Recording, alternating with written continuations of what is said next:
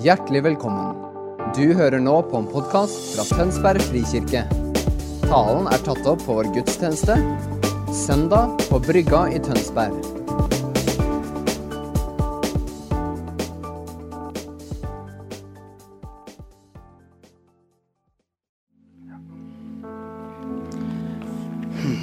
Skal vi gi Holm låtsangerne en ordentlig applaus?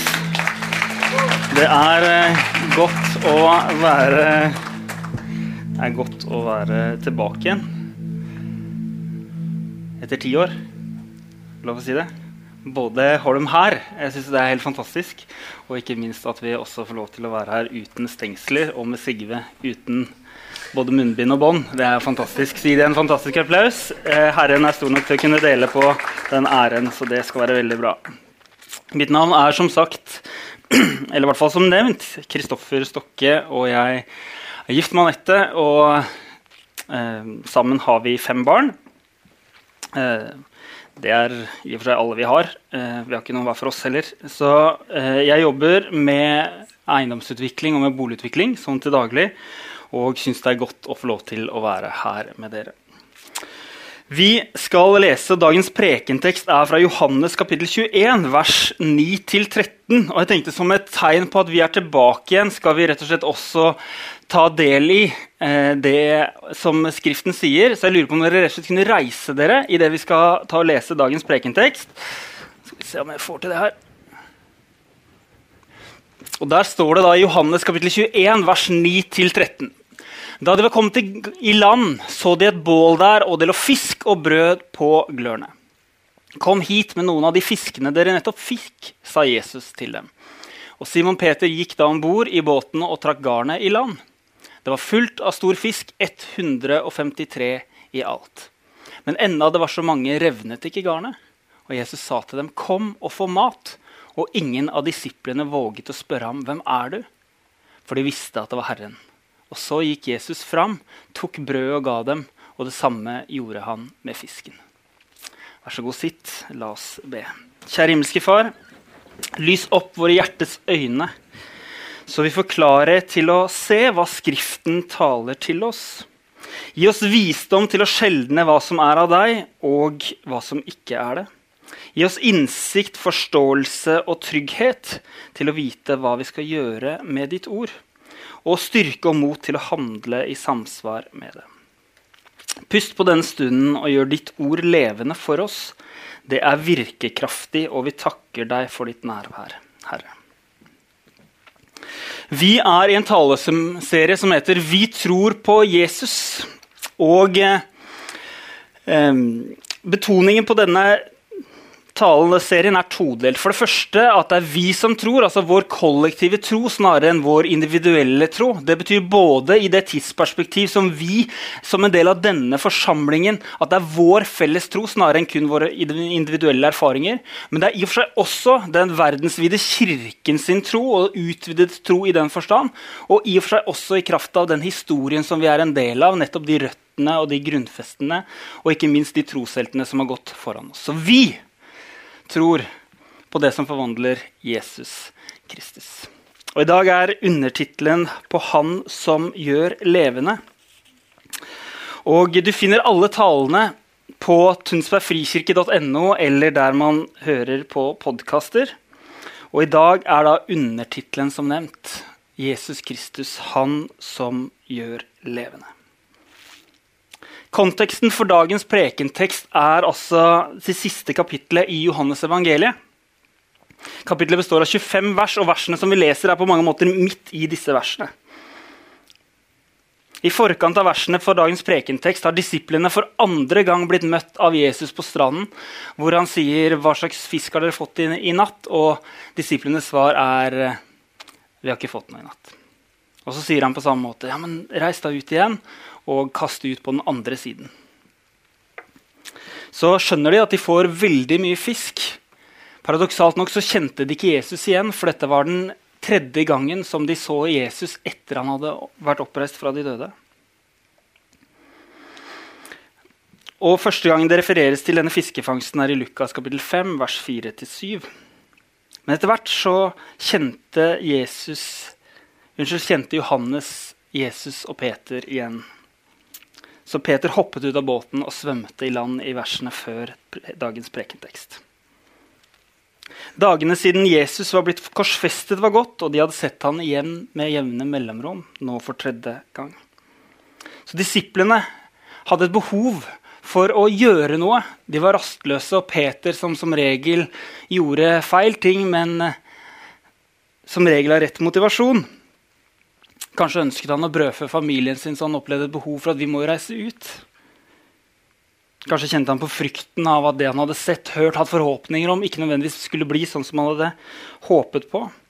Eller kanskje kjente han også på den skammen av at han hadde fornektet Jesus ikke bare én gang, men tre ganger i yppersteprestens foregård noen uker tidligere. Kanskje har vi også erfart det at i møte med, med, med, skam så blir vi lammet, eller i møte med mismot så holder det oss tilbake eller nede. Kanskje har noen av oss erfart at frykten, som kan være en, en, en spennende drivkraft, men en forferdelig herre, eller minne om feiltrinnene som holder oss tilbake, og som gjør at vi opplever at vi blir diskvalifisert til tjeneste for Herren. Men mellom løftet og oppfyllelsen, eller mellom håpet og såkornet og oppfyllelsen, så er det som regel alltid en dal. Og det var denne Peter sto overfor. Unnskyld. Stedet som eh, møter disiplene, var i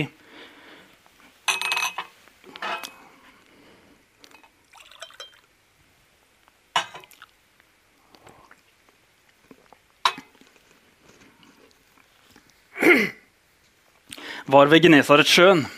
Og kjent barn har, eh, eller Elskelig barn har mange navn, så det er også kjent som Tiberiassjøen eller Genesaret eller Galileasjøen.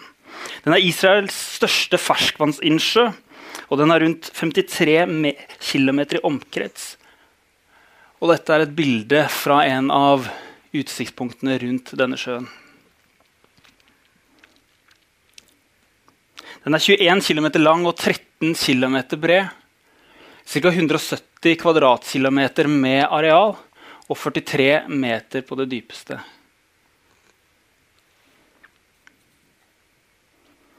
Det er eh, den lavest beliggende ferskvannsinnsjøen i verden. 209 meter under havets overflate. Og den nest laveste innsjøen i verden kun slått i anførselstegn av Dødehavet. Som i og for seg kilden fra denne her også renner videre ut i.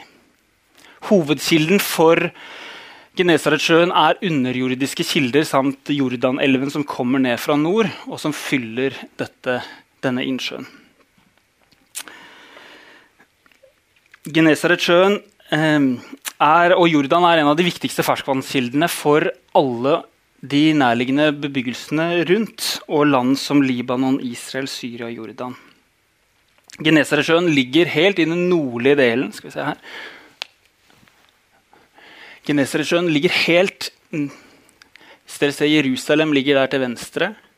Vestbredden Der er Google Maps har hjulpet oss med Tiberiasjøen. Og Jordanelven er den som kommer ned inn i den. Den ligger ifølge geologene i den nordlige delen av det østafrikanske Riftdalen, som er da forsenkningen som ble dannet i forbindelse med adskillelsen mellom Afrika og det arabiske kontinentet. Pga. Dette, om, dette er området sterkt utsatt for jordskjelv, og i tidligere områder også vulkansk aktivitet. Det viser seg gjennom at det er en rekke vulkanske bergarter, men også at det geologiske området og landskapet i området er som det er. Pga. nettopp den lave høyden i denne riftdalen så har innsjøen en tendens til å få plutselige og voldsomme stormer fordi høydene rundt omkring nettopp gjør at eh, det værmessige skiftene kan gå veldig, veldig fort. Historikere på den, tiden, på den første tiden ble så imponert av dette området at de beskrev området som naturens aspirasjon, eller det stedet som naturen strekker seg mot. De beskrev også en blomstrende fiskeindustri med 230 båter som jevnlig drev rundt omkring på innsjøen. Mye av, mye av, Jesu forkynnelse dreide seg rundt om på Genesaretsjøen, og livet til disiplene kretset om den. Og eh, Evangeliene forteller at eh, Jesus rekrutterte fire av disiplene sine i dette området. Peter, broren Johannes, broren Andreas og brødrene Jakob og Johannes. Jesus gjorde en rekke mirakler rundt omkring på dette området. Det er med andre ord ikke tilfeldig at det er her Jesus møter Peter og disiplene. Dette var hjemme, dette var her de hadde tilhørighet, dette var her de bodde.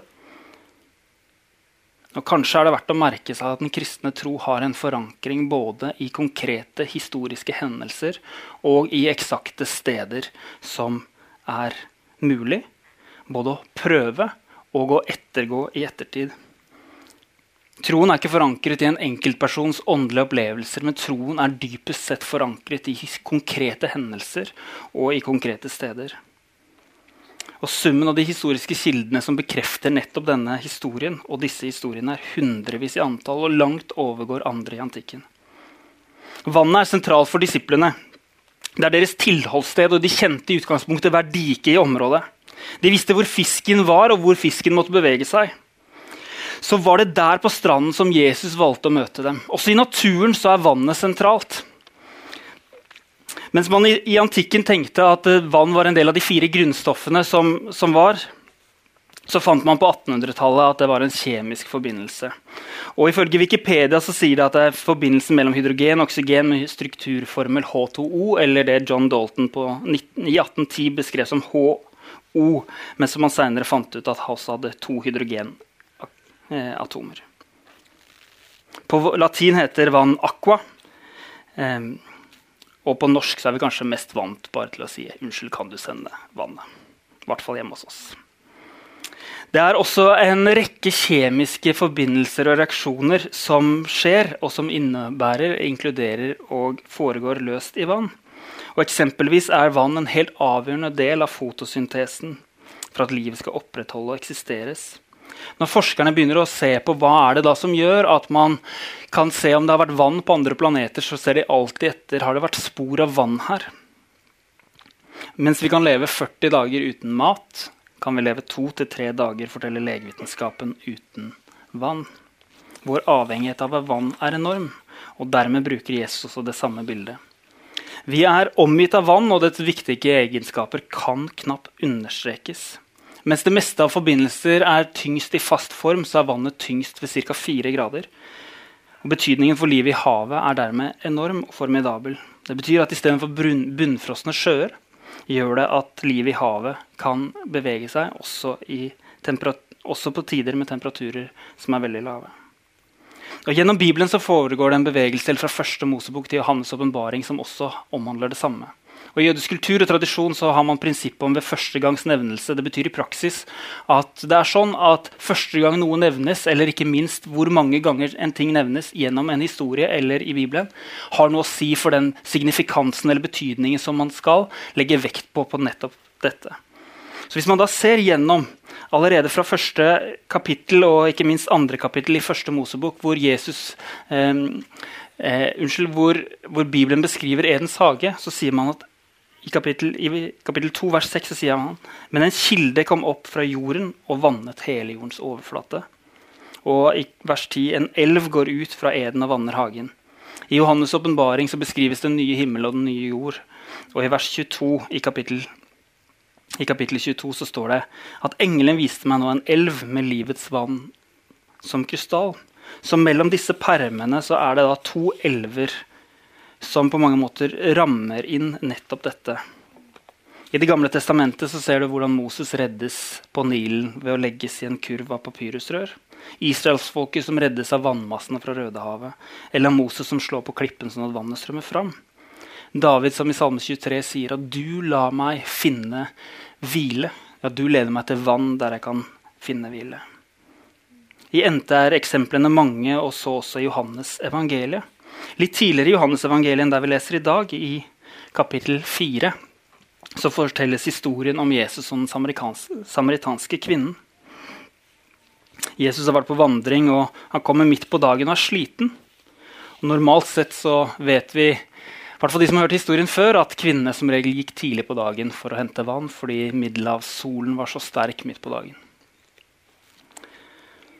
Så skjer det da noe i vers 7 hvor det står at da kommer en samaritansk kvinne for å hente vann. Disiplene har allerede gått i forveien. Og, eh, og det står i vers 7. Jesus sier til henne, 'La meg få drikke'. Disiplene hans var gått inn til byen for å kjøpe mat, og hun sier, 'Hvordan kan du som er jøde, be meg som er samaritansk kvinne, å få drikke?' Jesus, For jødene pleide ikke å omgå samaritanerne. Og Jesus svarte, om du hadde kjent Guds gave og visst hvem det er du ber om drikke, da hadde du også spurt meg. For han hadde gitt deg levende vann.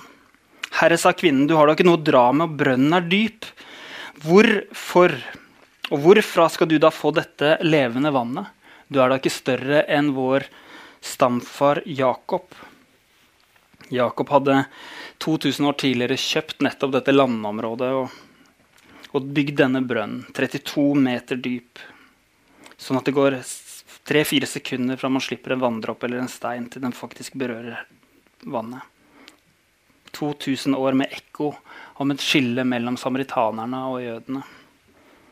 Med så mye ladet spenning i relasjonen både av han som rabbiner, som en mester, som en jøde, og hun som en samaritansk kvinne fra et annet folkeslag. Men kvinnen fra Samaria hun passer ikke inn i gjengen. Hun bærer med seg en historie så full av skam at hun lurer seg ut ved brønnen. Men hun er samtidig stolt, stolt av å være kvinne, stolt av å være samaritaner, stolt av brønnen som slekten fikk 2000 år tidligere. Han som ble kalt Jakob, men som fikk det nye navnet Israel fordi han kjempet med Gud. Han som sa 'Jeg vil ikke slippe deg før du velsigner meg'. Og Gud responderte med å si 'Du skal få et nytt navn'. Du skal bli den som kjemper med Gud, og jeg skal velsigne deg. Hun er også stolt av folket sitt fordi de har et bønnefjell som er like viktig for dem som Jerusalem var for jødene. Men i dag vil vi kanskje si at hun kompenserer nettopp skammen med stolthet. Det er også andre måter å kompensere på, enten utrygghet med tydelighet eller frykt fordekt med visdom. Det er ikke lett å få øyne- og hjertekontakt med henne som både gjør seg liten og stor på en gang. Den samtalen er en av mange i Johannes evangeliet som er litt aggressiv i tonen. Men midt inne i samtalen så kan Jesus avbryte og si at uh, dette sier jeg for at dere skal bli frelst. Jesus gikk ikke inn i disse samtalene for å vinne diskusjoner, men han gikk dit for å formidle nåde og sannhet. Og I Johannes kapittel 4, fra vers 4 så fortelles denne historien om denne kvinnen i Sykar.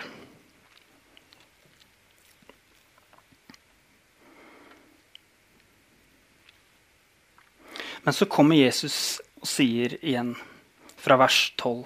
Jesus svarte, 'Den som drikker av dette vannet, blir tørst igjen,' 'men den som drikker av det vann jeg vil gi ham, vil aldri mer tørste.' Og den skal bli en kilde i ham med vann som veller fram og gir evig liv. Herre, gi meg dette vannet. Så jeg ikke blir tørst igjen. Altså Jeg slipper å gå ut her hver eneste dag. Tenk på det strevet denne kvinnen hadde. For det første all skammen som hun bar med seg. For det andre den fysiske opplevelsen av at hun måtte gå ut og hente vann helt alene. Hun møtte både sine egne, sine egne utfordringer og sannsynligvis også samfunnets utfordringer i det man visste at hun passet ikke inn i gjengen. Hun hadde en skam, hun hadde en skyld, hun hadde en historie med seg som gjorde at ikke hun kunne møte de andre på den måten. Men kanskje er det sånn at Jesus likevel forstår at det hun kvinnen trenger, ikke primært er litt kortere vei for å hente vann. Men kanskje hun trenger en opprenselse eller en ny start på innsiden. Så han sier til henne isteden, gå og hent din mann, og kom hit. Jeg har ingen mann, svarte kvinnen. Og med rette sier du at du ikke har noen mann. Ikke med en fordømmelse, men med en sannhet og en tydelighet og med en erkjennelse av hva som er rett og galt. Sier Jesus, det stemmer, for du har hatt fem menn, og han du nå har, er ikke din mann. Responsen til denne kvinnen er, 'Herre, jeg ser at du er en profet.' Jeg vet at Messias kommer, og Messias er den samme som Kristus, og når han kommer, så skal han gi oss alt. Og Jesus sier da til henne, 'Det er jeg. Det er jeg som har talt til deg.' Kvinnen lot vannkrukken stå og løp inn til byen, for hun hadde smakt på en annen kilde. Aldri er Jesus så tydelig på at han er Messias som akkurat i dette verset og når han snakker med Maria Magdalena. Vanligvis holdt Jesus igjen med å besvare forventningene fordi det folk flest ønsket, var mer en politisk frelser enn en som kunne frelse dem fra deres egne synder. Jesus var mer bekymret for våre synder enn våre motstanderes synder eller, våre, eller israelsfolkets si, opposisjonelle eller herrer. Han var mer opptatt av å, å, å, ta et oppgjør med det som var på innsiden, enn med det ytre. Det er jeg, det er jeg som taler med deg, sier Jesus. Og han viste seg som sant menneske og sant og sann Gud for kvinnen ved brønnen. Han var trett etter vandringen, ja, han var utmattet, og hun ba om vann. Jesus svevde ikke over bakken, han var sant menneskelig. Men så sier han, 'Jeg vil gi deg en kilde med vann som veller fram til evig tid'. Tidligere prest i Tei kirke, Harald Kaasa Hammer, skriver i en andakt hva betyr det når Jesus imøtekommer kvinnen og sier 'Jeg vil gi deg en kilde med vann'. Det går an å si mye om dette, sier Hammer. Men hovedsaken er å erfare det. Her åpenbarer Jesus hva han vil gi, og han bruker tilstrekkelige med ord til at den som tørster, kan forstå. Likevel, man blir ikke utørst av å forstå, man blir utørst av å drikke, av å erfare. Bibelteksten er klar og direkte. Og i kapitlene som følger, spesielt i kapittel 7, vers 37-39, sier Jesus som følger. På den siste dagen i høytiden, den store festdagen, sto Jesus fram og ropte:" Den som tørster, skal komme til meg og få drikke. Den som tror på meg, fra hans indre skal det, som Skriften sier, renne strømmer av levende vann. Og dette sa han om den ånden som de som trodde han skulle få. For noen rører disse ordene med en enorm begeistring og med en forventning om at tenk om vi skal få lov til å drikke og erfare, eller man minnes alle de erfaringene man har av overstrømmende liv på innsiden for noen andre. Og så kanskje vi heller merker noe av vår egen tilkortkommenhet eller noen av mangelen eller ønsket om erfaringer av at nettopp denne kilden kan, skal kunne velle fram. Men når Jesu ord blir for store for oss, må vi begynne fra én kant, med ærlighet og oppriktighet om hvor vi er, og den smertefulle erkjennelsen av at vi kun er her. Jesus møter også disiplene igjen ved Genesaretsjøen, og vi skal tilbake til kapittel 21. Det er Peter som har kastet seg ut av båten fordi disippelen Jesus elsket Johannes.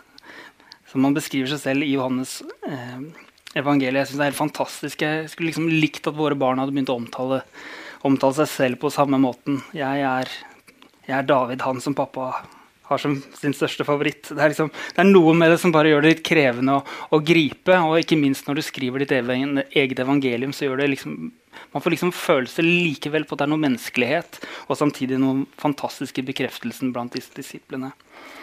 Og Der står det som sagt at siden så åpenbarte Jesus seg en rekke ganger for disiplene. Og Peter, da Johannes hadde skjønt at det var Jesus som sto der på stranden For de klarte ikke å kjenne han igjen, fordi han var på mange måter som et speil i en gåte. Altså han, han, var der, men det var likevel noe som var annerledes med han. Altså, det var noe med dette hellig, helliggjorte, oppstandende legeme, med denne oppstandelsen som, som kommer på andre siden av døden, hvor Jesus hadde stått opp igjen, som gjorde at han var annerledes. Og I møte med dette så, så er Peters naturlige respons idet de står 100 meter fra, fra, fra, sjøkanten og fra Jesus, er at han, han tar på seg klærne. det Han var visstnok uten, eh, kaster seg i sjøen og svømmer inn mens disiplene følger etter og ror inn mens, mens de har fått en fiskefangst, en hel landsby som, som følger etter. Og så er Peter sin respons Jesus, er det deg? Jesus, er det deg? Så spiser de sammen. Han kommer inn og han ser at Jesus har allerede tilberedt måltidet. Jesus trengte ikke maten til disiplene fordi maten var allerede klar. Bålet var allerede forberedt, så Jesus' sin invitasjon var ikke nødvendigvis der at han kjente at ok, dere må, dere må ut igjen, sånn at jeg skal få noe mat. Jeg trenger noe, noe å spise. Men Jesus visste at alt det han trengte, det hadde han tilgjengelig. Men disiplene trengte for egen del å få en oppreisning etter en natt. Fullstendig uten fangst. Og hvordan dette setter opp at Jesus kan lage dette bålet, tilberede denne fisken og så invitere de inn til et måltid med seg der på stranden. Peter hadde noen uker i forveien også vært rundt et annet bål. I yppersteprestens forgård, hvor han ikke bare én gang, men tre ganger hadde fornektet Jesus, sagt og bannet på at 'jeg kjenner han ikke'.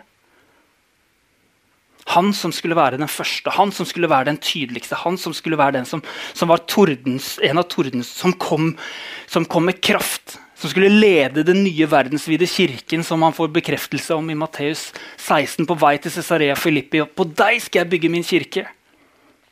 Han var jo mannen som virkelig skulle trekke av seg all skam, all, all sårbarhet, all frustrasjon, all frykt. Han skulle jo være den som, skulle, som kirken skulle dannes på. Men likevel så hadde han klart å feile ikke bare én, men tre ganger før han galte. Så tenk på den holdningen Peter kommer med idet han møter Jesus også der på stranden, rundt et bål igjen. Jeg kan lite om mental terapi, men ifølge forskerne som kan om psykoterapi, så, og til en viss grad kan jeg kjenne meg igjen i noen av deres konklusjoner, så sies det at luktesansen vår er en av de sterkeste bærerne av minner. Husker du hvordan det lukta hos nabogutten i oppveksten? Eller husker du denne provanskyllingen som kom i sånne aluminiumsbakker på 90-tallet? Hvor alle visste at her er det lørdag. Aldri siden har vi lukta provanskylling som prior fra den tiden. Eller bestemors kjøttkaker eller ribba som gjør at man føler at nå er det faktisk jul. Og man kan fysisk kjenne det, at her er jeg hjemme, eller nå kan jeg vente på noe. nå har jeg noen forventninger. På samme måte så kan lukten også være med å trigge negative minner. Og hvor fantastisk er det ikke at Jesus samler disiplene sine rundt det bålet.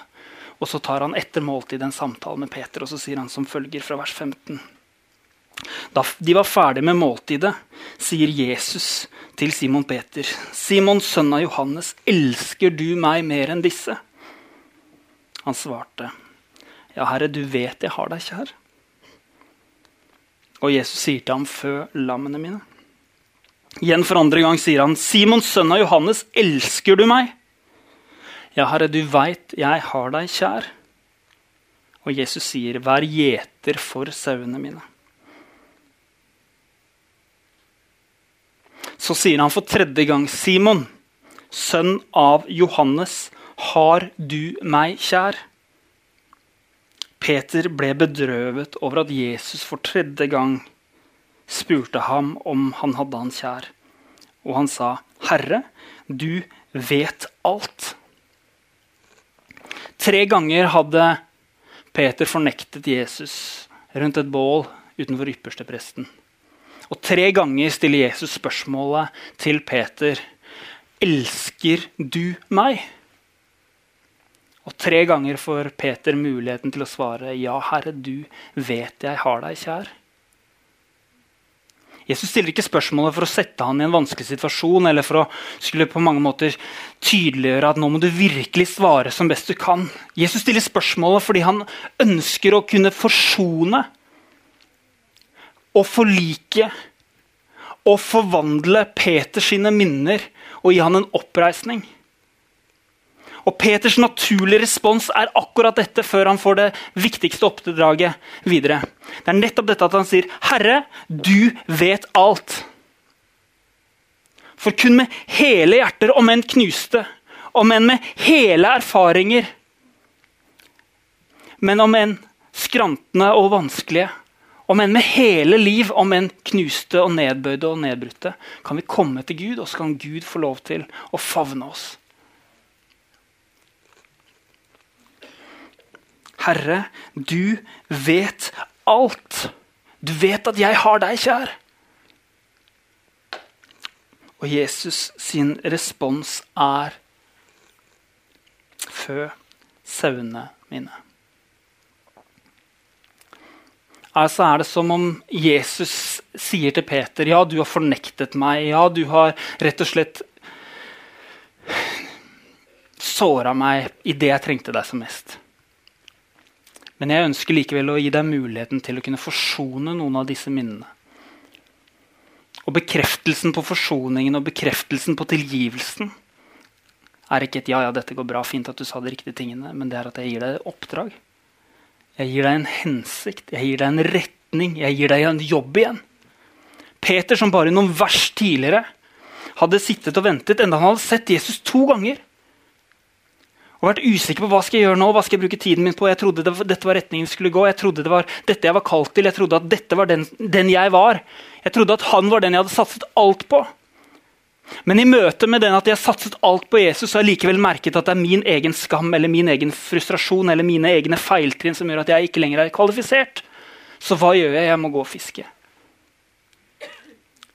Kanskje blir det fordekt som et måte å ønske å brødføre familien sin på. Kanskje blir det fordekt som noe annet, Men kanskje kan det være at, Jesus, nei, at Peter dypest sett kjente på at jeg vet hva, jeg er usikker på min utilstrekkelighet. Likevel kan favnes av Jesu nåde og Jesu sannhet og Jesu gjenopprettelse og Jesu forsoning og forlikelse med seg selv. Og så kommer altså Jesus og sier, som den beste måten som Jesus bare Jesus kan gjøre jeg vet ikke med deg, men Noen ganger så har jeg gjort ting som jeg bare angrer så vilt på. Jeg bare kjenner, hvordan kan jeg jeg skal prøve å være ærlig, jeg skal prøve å be om tilgivelse. Prøve, men når du liksom har gjort alt og likevel opplever at åh, Og så kommer likevel Jesus med noen ord som ikke nødvendigvis svarer på spørsmålet, men som likevel er det som er frigjørende der og da. Du har ingenting å skjule. Eller som han sier til Peter, her har du en jobb. Her har du en jobb. Kanskje var det det dypeste det Jesus visste at Peter trengte aller mest. Det er en retning og en hensikt og en mening med livet ditt. En gjenoppreisning. Sånn at den hensikten som du i utgangspunktet var kalt til, og det oppdraget du nå har fått, blir sammenvevd på tross av en nåde Unnskyld, på tross av en, et feiltrinn som var så dypt at han selv var usikker på om det var verdt å kunne tilgis som alle vi i alle generasjoner kommer til å lese om. Hva som skjedde i yppersteprestens foregår. Likevel så sier Jesus, 'På deg vil jeg bygge min kirke'. Hvis han kan gjøre det med Jesus, så Unnskyld, hvis han kan gjøre det med Peter, så tror jeg også at han kan gjøre det med oss. Så Jesus møter disiplene der de er, for å oppsummere ved Genesaretsjøen. Jesus er Messias som møter den samaritanske kvinnen med både nåde og sannhet. Jesus er livets kilde, og han vil at vi skal få lov til å drikke og få lov til å erfare gjennom Den hellige ånd. Jesus forsoner skammen med tilgivelsen, og Jesus forsoner Peters verste feiltrinn og nederlag. Og Jesu forsoning påkobler oss igjen vår opprinnelige hensikt. Kort fortalt Jesus ga Peter en jobb. La oss be. Takk, Gud, for at din visdom er større enn vår. Takk for at din nåde er større enn våre synder. Takk for at dine planer er høyere enn våre. Takk for at din forsoning forliker og forvandler. Skap i oss et rent hjerte, sånn at vi kan være ærlige og si, 'Herre, du vet alt'. Og du tåler alt. Far, jeg ber deg om at vi skal få lov til å få tid, trygghet, tilstedeværelse og takknemlighet over at Han som er tidens fyrste, tidens fylde i sannhet, også tåler alt. Far, jeg takker deg for din nåde, jeg takker deg for din kraft. Jeg takker deg for at vi ikke har noe å skjule innenfor deg. Og vi takker deg, Gud, for at på tross av våre feiltrinn så kan du gi oss en jobb, du kan gi oss en hensikt, du kan gi oss en retning du kan forsone og forlike og forvandle oss. Med deg og med ditt oppdrag. Takk for vannet, Jesus, som er din kilde. Takk for at det gjentas igjen og igjen og igjen. Og at du sier til oss her vi sitter i dag, om noen er tørste, vil jeg gi deg vann å drikke. Som vil gjøre at man får koble seg på en brønn. Ta del av et fellesskap, inn i en kilde. Og kan hvile i det at du leder oss til grønne enger og til vann hvor vi kan finne hvile. Takk, Jesus, for din nåde. Amen.